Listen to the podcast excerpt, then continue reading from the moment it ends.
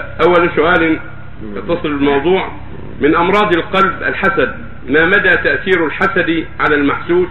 وكيف يتخلص يتخلص المحسود من ذلك؟ وكذلك الحاسد كيف يتخلص من هذا المرض؟ بسم الله الرحمن الرحيم. هذا السؤال الحسد. ذكر الله في كتابه العظيم دواء له ومن شر حاسد إذا حسد. فالمؤمن يسأل ربه العافية من الحاسدين والظالمين.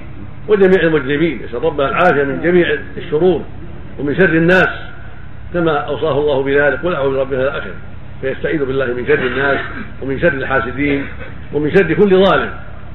والحاسد يبدأ بنفسه فيضرها.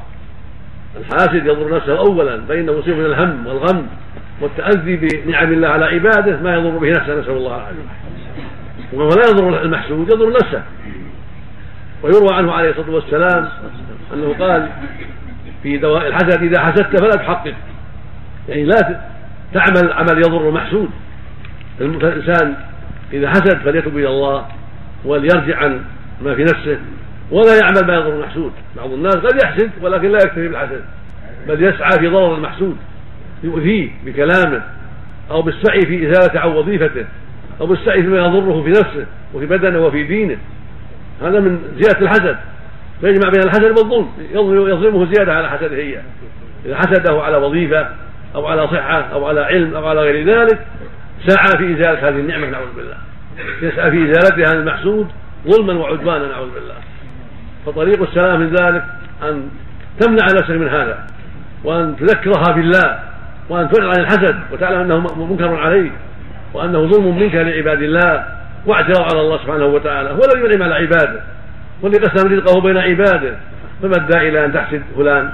لأن الله أعطاه مالا أو أعطاه علما أو أعطاه وظيفة مناسبة أو أعطاه غير ذلك مما أباح الله. لماذا تحسده؟ الله اللي قسم الارزاق بين عباده سبحانه وتعالى. فهذا اعتراض منك على ربك وسوء ظن منك بربك فاسال ربك العافية. واحذر شر نفسك وشيطانك ونفسك الأمارة بالسوء. ولا تحقق حسدك بالظلم. أما المحسود فلا يضره حسد الحاسد لا يضره. إلا إذا سعى في ظلمه وايذائه فليدافع عن نفسه. إذا سعى في ظلمه بكلام أو فعال أو عزل عن وظيفة أو كذب عليه أو ما أشبه ذلك فليعالج الموضوع بما يزيل ما فعله الظالم. والله المستعان. نعم.